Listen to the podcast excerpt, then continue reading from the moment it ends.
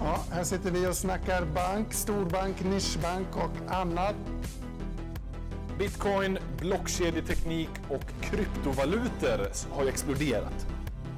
Under årets andra kvartal så har flera av våra storbanker redovisat enorma vinster faktiskt. Och Riksbanken överväger nu att eh, införa en digital valuta. Hej och välkommen till Fintech-podden.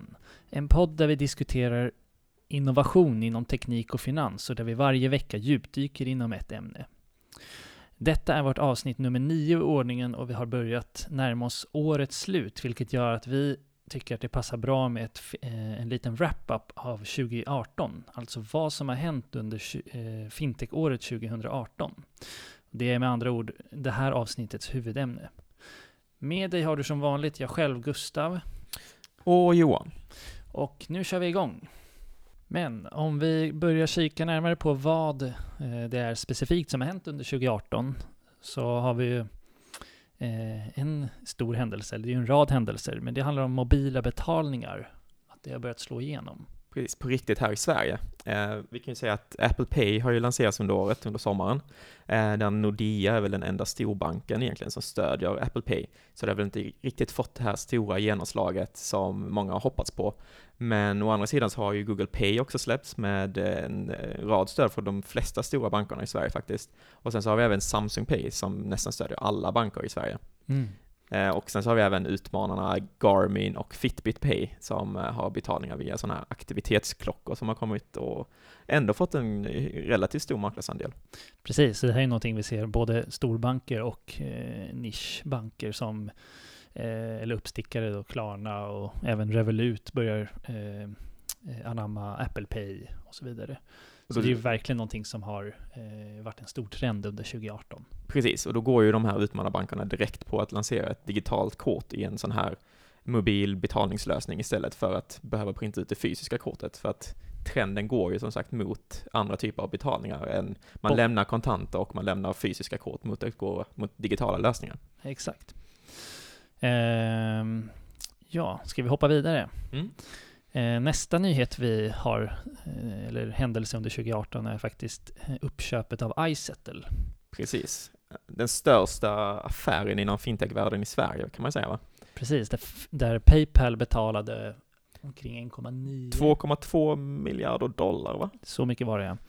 Uh, ungefär 19 miljarder kronor va? Uh -huh. uh, vilket är väldigt mycket pengar för många, men inte för Paypal. Nej, det är ju bara lite fick pengar för Paypal. Men det är en ganska intressant story bakom för att iSettle var, hade ju gått ut i pressen med att de skulle börsnoteras. Men ehm, en vecka efter de hade gått ut och sagt att de skulle börsnoteras, alla planerna var satta och de hade rådgivare, då släppte de den här bomben att Paypal går, upp, eh, går in och köper upp dem för dubbla värderingen mot vad de skulle ha om de skulle börsnoteras. Precis, för det var ju många där, mycket snack i i investeringssverige där många privatinvesterare var sugna på att få en del av eh, aktierna i, i en då eventuellt kommande IPO för, eh, för iSettle. Men så bara någon vecka innan det skulle gå i mål så, så kom Paypal och slukade det hela för dubbla pengen. Precis, så det var en liten intressant twist.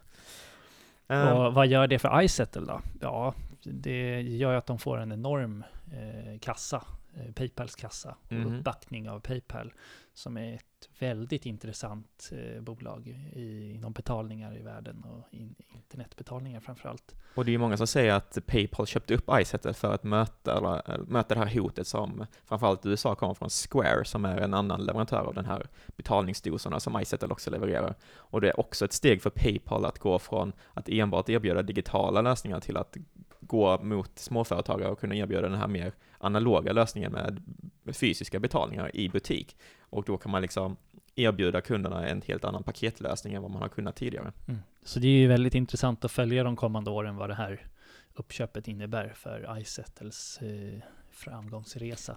Och det är framförallt ett bevis på att eh, vi i Sverige kan göra eh, företag som kan slå igenom interna internationellt och få väldigt stor uppmärksamhet. Ännu en gång. Ännu en gång, precis. Ja, vi går vidare. Nästa nyhet eller händelse under 2018 är svenska banker uttalar sig om sina open banking-strategier. Och då har vi framförallt tittat på Nordea och Swedbank. Precis, det är väl de som har gått i bräschen för att uttala sig om eh, hur deras strategi kommer att se ut. De har varit väldigt tydliga med att de vill bli en sorts plattform.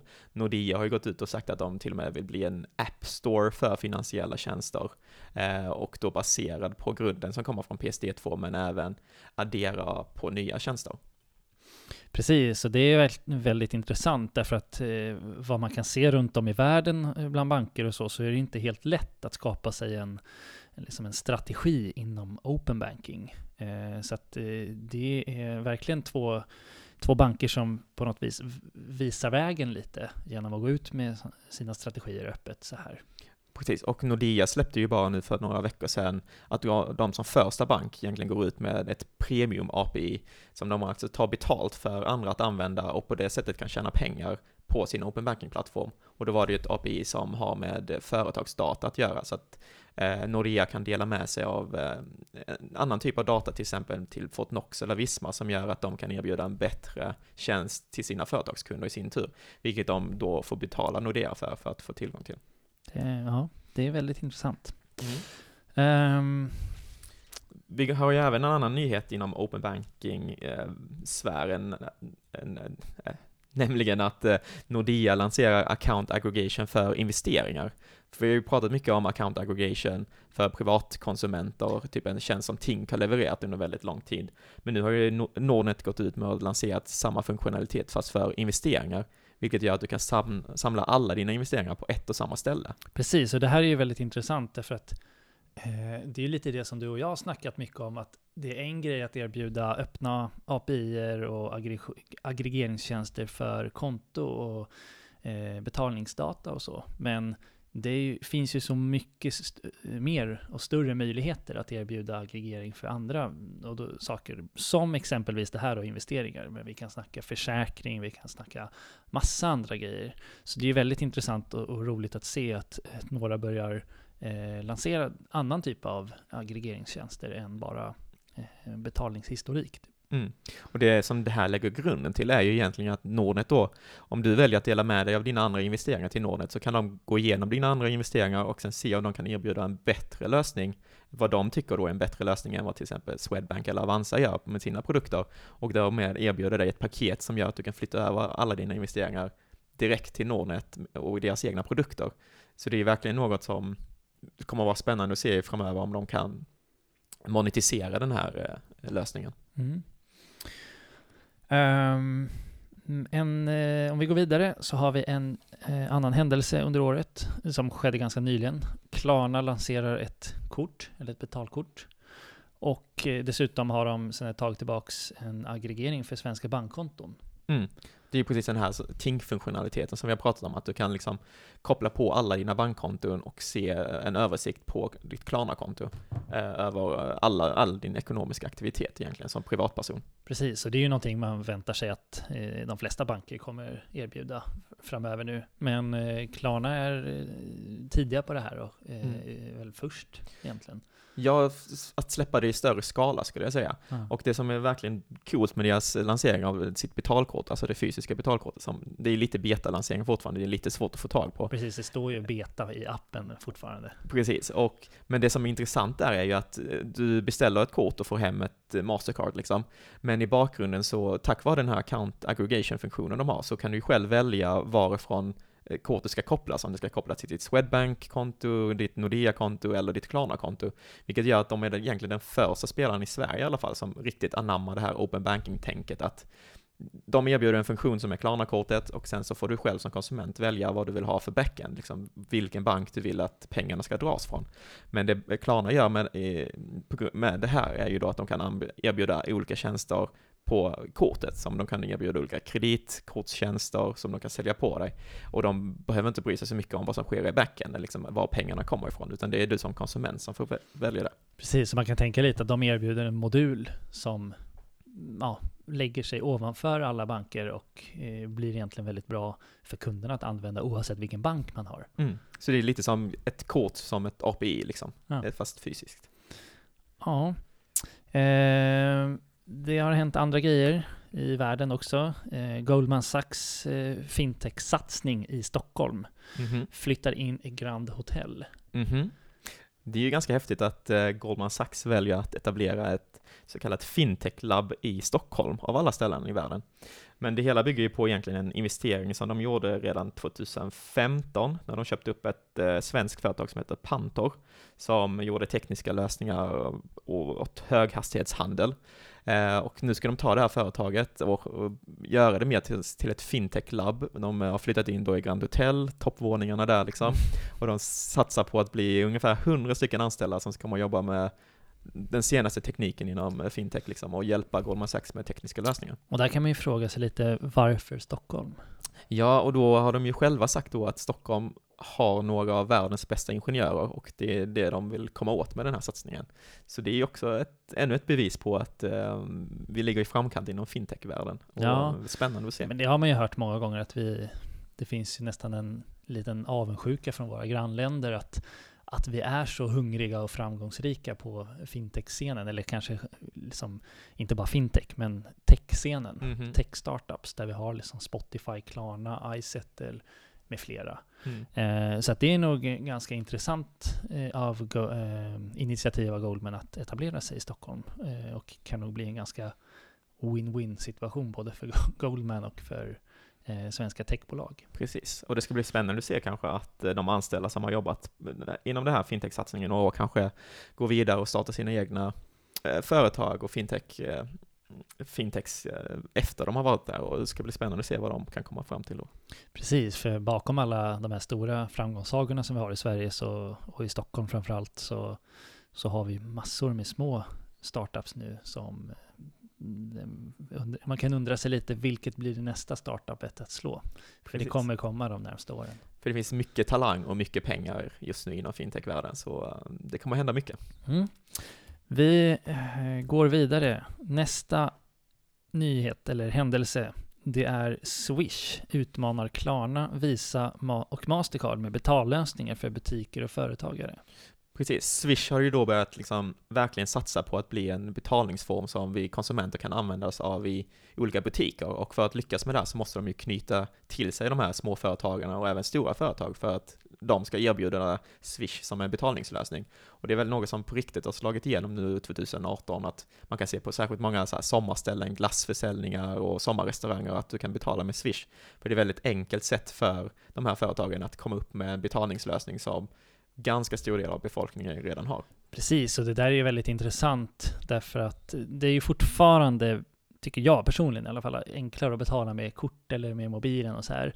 Man ska hålla på att ta upp och slå in ett mobilnummer för att Mm. betala med Swish. Och visst, det går med, eh, med QR och så här, men det är inte så etablerat ännu. Men det är någonting jag tror att man kan, kommer kunna se mer under 2019-2020, där det här verkligen blir en, ett riktigt smidigt sätt att betala och dessutom i realtid allting.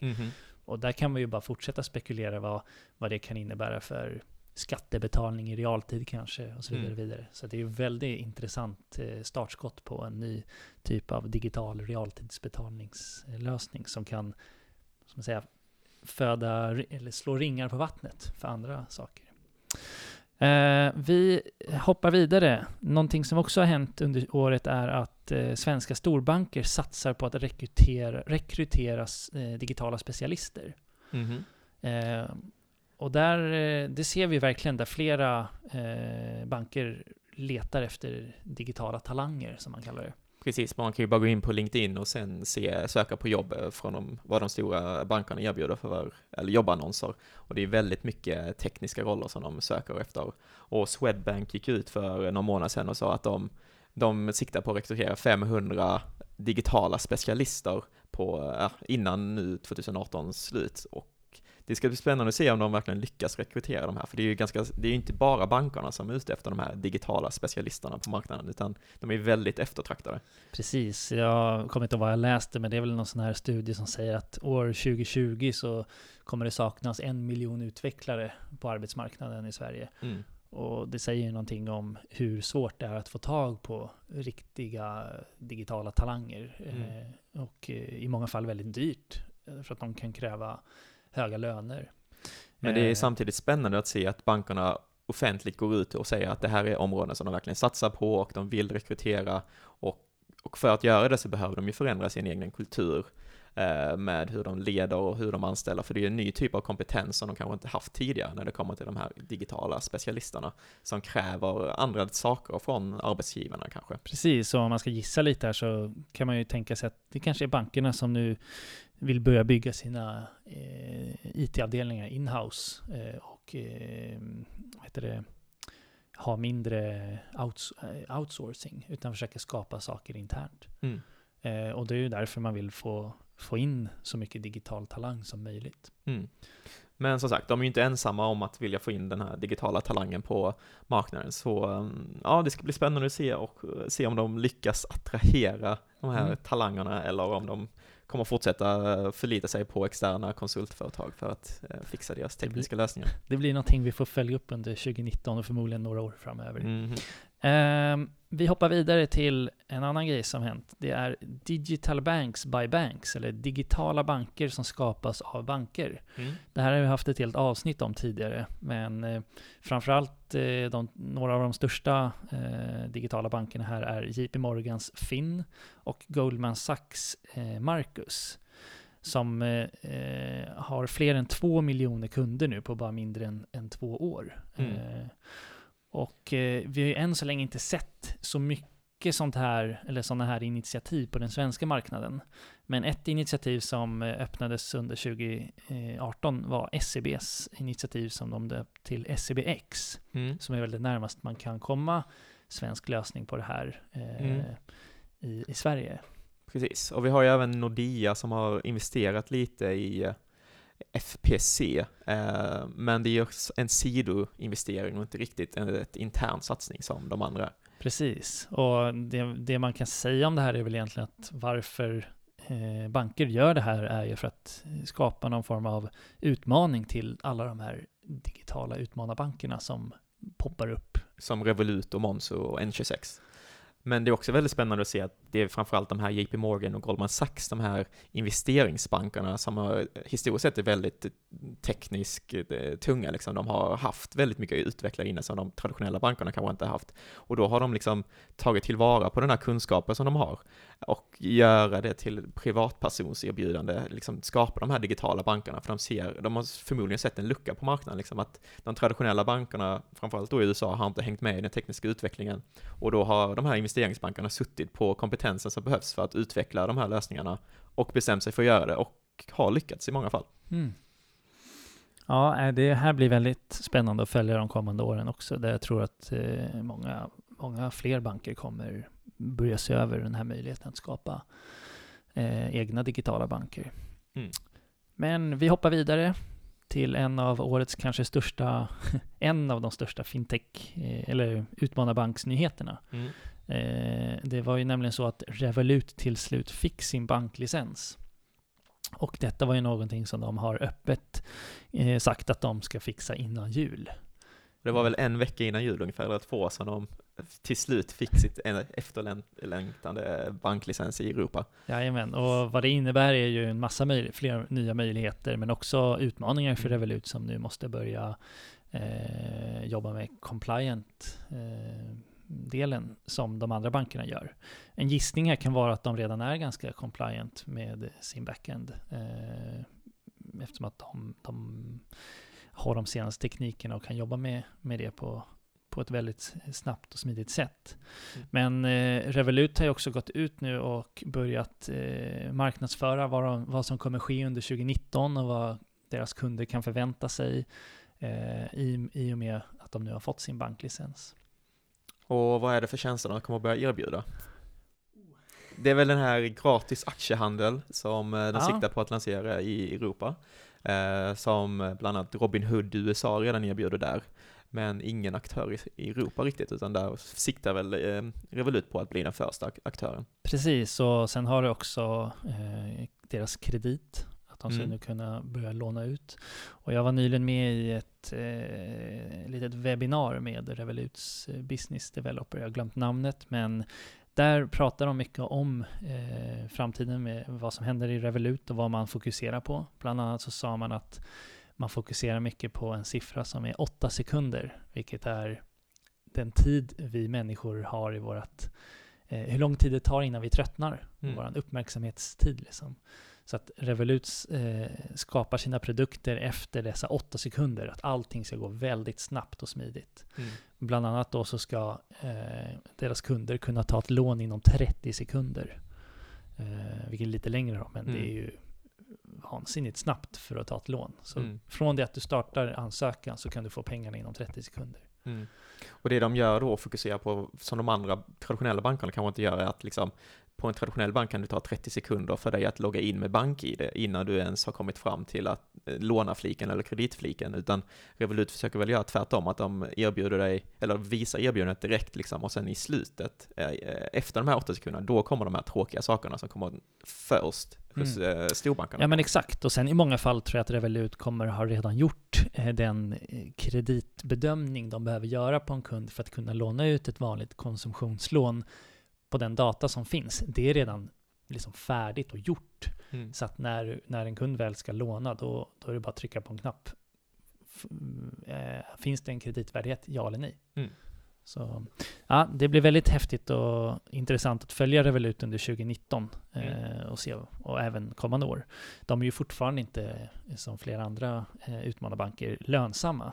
Och det är ju någonting som de måste börja få, få in pengar Mm. någonstans. För de- det kostar förmodligen väldigt mycket att driva sådana här eh, startups. Precis, de har ju den senaste tekniken och de, kanske de bästa utvecklarna på marknaden och det är ju saker som kostar väldigt mycket pengar. Och UX-arna och marknadsförarna och allting. Ja. Ja, vi hoppar vidare och kikar på eh, ett relaterat ämne. Fintech Unicorns eh, kan man väl säga att 2018 eh, är lite signifikant för 2018. Och bara snabbt, vad är en unicorn? En unicorn är ett bolag som har fått, eh, eller en värdering över en miljard dollar. Precis. Och eh, enligt CB Insights lista nu så, så har de, kom det 30 nya fintech unicorns under 2018 och vi har listat några av dem. Eh, bland annat då eh, har vi Transferwise, eh, Atom Bank, Revolut, Monzo, Starling, Funding Circle, N26 eh, är väl inte riktigt där ännu, men snart. Svenska Trustly eh, blev uppköpta eller investerade i av ett investmentbolag för nära Mm. unicorn-värdering. Och även iSettle sk- skulle man ju kunna säga hade en unicorn-värdering innan de då blev uppköpta av Paypal och blev ett privat företag och då räknas man inte riktigt längre på den här listan. Men de hade platsat annars. Mm. Och det så att vi har ju verkligen sett en explosion av unicorns här, så det blir intressant att se vilka som överlever de- de kommande åren och verkligen lever upp till förväntningarna. Mm. Bara en liten spaning här är ju att många av de här namnen som vi nämnde nu har ju varit bank, eller digitala utmanarbanker som fokuserar mot privatkunder.